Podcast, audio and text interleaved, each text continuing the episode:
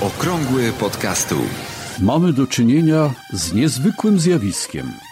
Oto radio, które od początku swojego istnienia znajdowało się pod nadzorem osób odpowiedzialnych za treści przekazywane na antenie, wymyka się spod kontroli, wpadając w ręce każdego, kto chce się wypowiedzieć publicznie, niezależnie od tego, czy ma coś do powiedzenia, czy też nie. To jest audycja dla początkujących i zaawansowanych podcasterów. Zaprasza Borys Kozielski. Tak jest, zapraszam. Jestem na miejscu 20 stycznia 2019 roku. E, witam serdecznie i zapraszam do wysłuchania 91 odcinka okrągłego podcastołu audycji dla podcasterów. Coś w lewym uchu jakoś gorzej słyszę, nie wiem dlaczego, ale e, no, nie wiem, może za cicho mam słuchawki albo jakoś przekręcony potencjometr, nie wiem. E, kilka tematów się uzbierało. Pierwszy z nich e, to, że Spotify ma już ponad 200 milionów użytkowników. W tym 80, 87 milionów tych, którzy płacą za serwis. No, to niezły wynik. 87 milionów osób, które płacą. No, ale 50% z nich nie znajduje swojego ulubionego podcastu w Spotify, więc Spotify ma jeszcze dużo do zrobienia. E, no i nachodzą mnie takie dwie refleksje. E, po pierwsze, Dlaczego ciągle tak mówimy o tym, że ktoś płaci, ktoś nie płaci, że jakieś reklamy są, że pieniądze się ciągle tutaj pojawiają? Kiedyś e, ktoś słusznie zauważył, że jak zaczynaliśmy przygodę z podcastingiem w 2005 roku, to nikt nie pytał o pieniądze, każdy po prostu się cieszył, że może zrobić podcast. To był taki temat e, nieważny.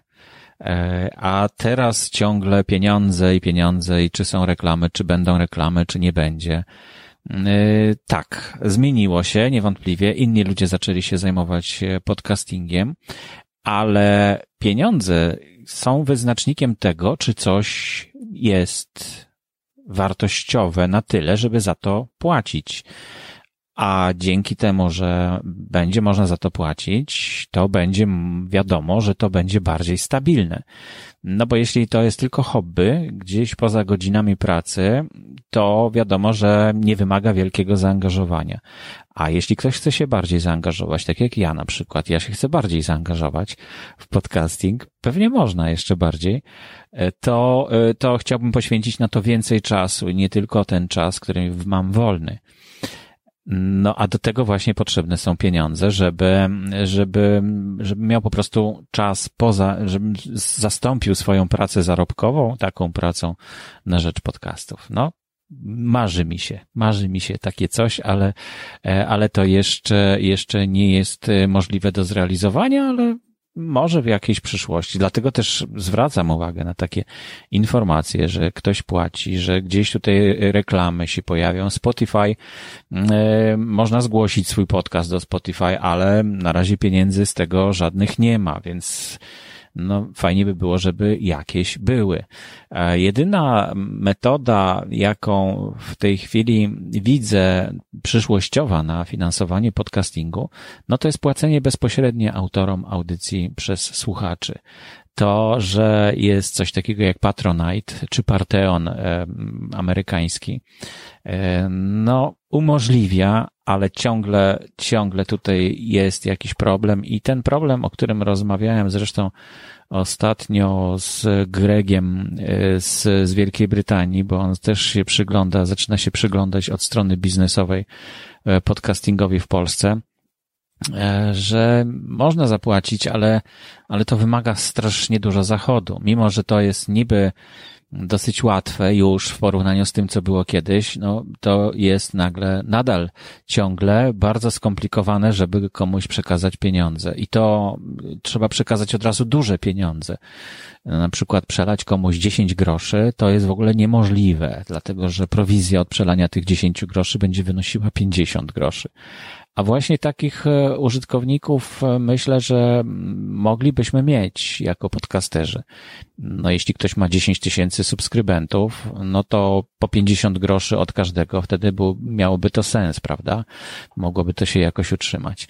No stąd właśnie te rozważania o pieniądzach, o różnych tego typu rzeczach, ale to nie znaczy, że to nie jest nasza pasja, bo to właśnie z tej pasji rodzi się potrzeba większego zaangażowania i poświęcenia większej e, ilości czasu na to, na to, na tą właśnie pasję. Jeszcze mam e, trzy, cztery tematy, no po kolei wszystkie przelecimy, nie będę zapowiadał co jest, bo opis oczywiście na stronie blog.podcasty.info, tam w 91 odcinku jest, są linki do, do wszystkich tematów, o których dzisiaj opowiem.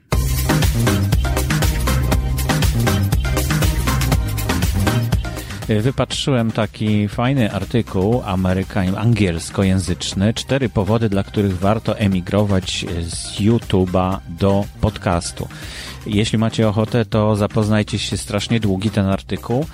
E, no właśnie, i dlaczego on jest taki długi? Taki długi jest, bo pisać można i łatwo potem przeskakiwać pomiędzy tymi akapitami. A w YouTubie to nie jest takie łatwe, bo użytkownik YouTube'a, ten e, zwykły oglądacz, szybko się szybko się nudzi i po prostu rezygnuje z oglądania czegoś, co jest zbyt długie i, e, i zbyt e, takie wchodzące w głąb. Raczej powierzchowne są filmiki, prawda, na YouTubie. E, to znaczy te, które mają dużą liczbę oglądalności i, i długo są oglądane.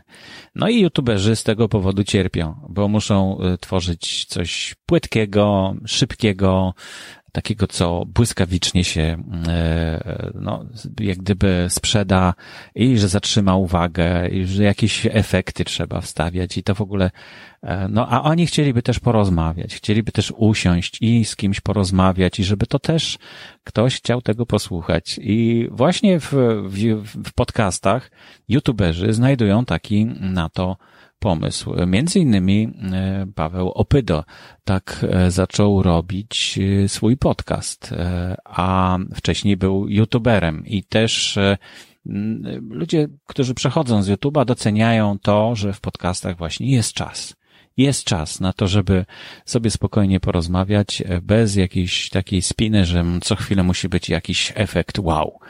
No bo jak nie ma tego efektu wow, no to, e, no to słuchacze znikną nam z pola widzenia. A cztery powody, dla których warto emigrować z YouTube do podcastu w artykule, do którego linka znajdziecie na stronie z opisem odcinka podcastu. Zapraszam.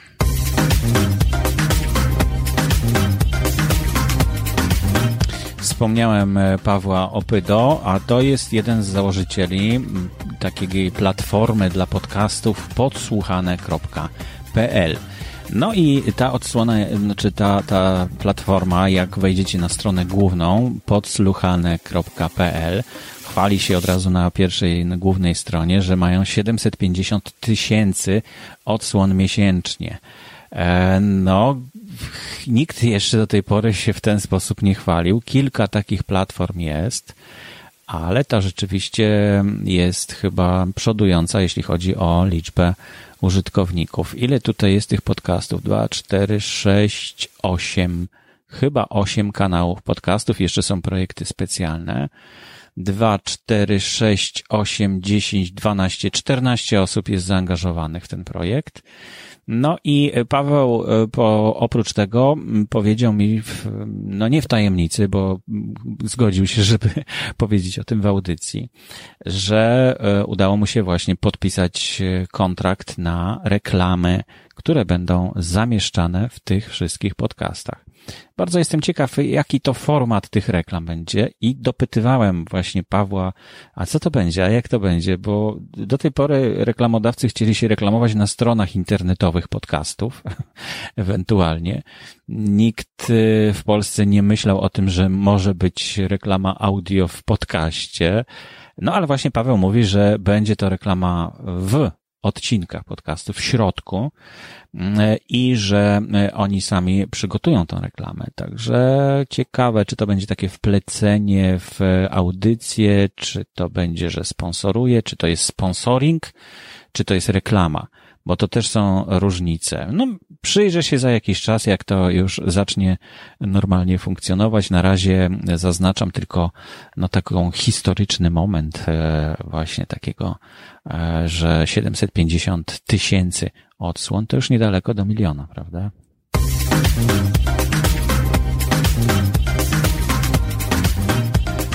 No ale nawet jak będzie milion, to przecież co to, co to znaczy? Co to znaczy? Ważne jest, żeby, żeby to, co robimy, miało przełożenie na to, co się ludziom podoba i żebyśmy mogli znaleźć tych swoich słuchaczy. A jak ich znaleźć? No to to wymaga stałej nauki, podobnie jak podcasting wymaga stałej nauki i dlatego zapraszam na warsztaty w studiu radiowym. E, w zeszłym tygodniu zapraszałem na warsztaty, które już się odbyły w sobotę poprzednią, dzisiaj jest niedziela. E, dwie osoby się zapisały, było, mieli naprawdę e, no takie luksusowe warunki, dlatego że dwie osoby na trzy godziny miały na wyłączność mnie i mogły pytać o co tylko dusza zapragnie i myślę, że dużo informacji dostali. Mieli masę pytań, naprawdę. Naprawdę masę pytań, e, masę pytań i e, no, także musiałem ich aż zmuszać do tego, żeby zrobili jakieś ćwiczenia takie praktyczne, w ustach mi zaschło y, i, i w ogóle ciężko było, no ale, ale i też wydłużyliśmy te, te trzy godziny do czterech czy do pięciu prawie godzin. Były przerwy, ale takie małe, krótkie.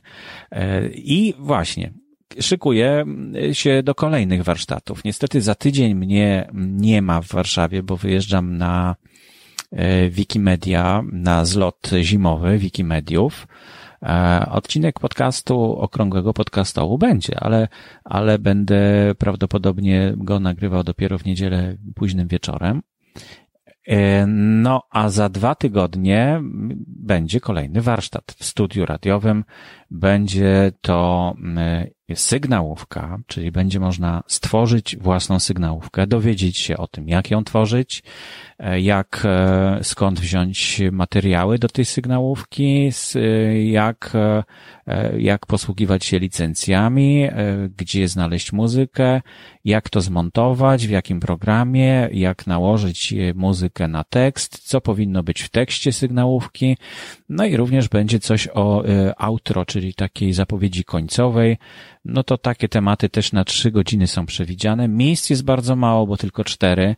E, I jeśli ktoś ma ochotę z naszej grupy na Facebooku podcast, jak to się robi, zapisać się, to będzie miał szansę przez pierwszy tydzień e, ze zniżką zapisania się, a dopiero w drugim tygodniu zacznę sprzedawać ten kurs, te warsztaty również poza naszą grupą.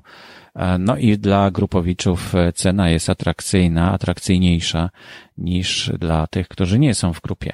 120 zł kosztuje, kosztują te 3 godziny mm, dla jednej osoby, a 150 zł, jeśli ktoś jest spoza grupy.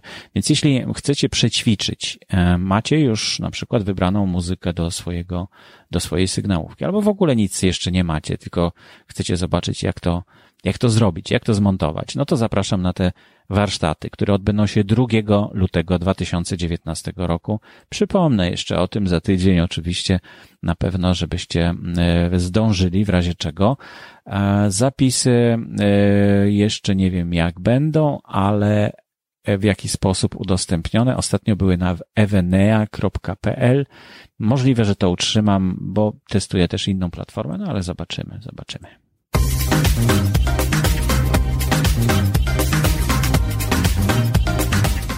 I ostatnia informacja już przypominająca o tym, że mm, wybieramy podcastera 2018 roku. E, I to będzie, będzie się odbywało prawdopodobnie po zakończeniu stycznia, czyli za dwa tygodnie już będziemy mieli wszystkich kandydatów zgłoszonych. Dlatego do końca stycznia prosimy jeszcze o zgłaszanie przez formularz do nominowania kandydatów na tytuł podcaster 2018 roku. E, jak e, zgłosić? No po prostu trzeba wejść na link, który jest w notatkach do dzisiejszej audycji, kliknąć na ten link e, i podać swoje dane i podać kogo się nominuje do tytułu podcaster 2018 roku i za co się go nominuje. No i z tego mm, jury w trój os, trzyosobowe wybierze podcastera roku 2018. Gorąco zapraszam.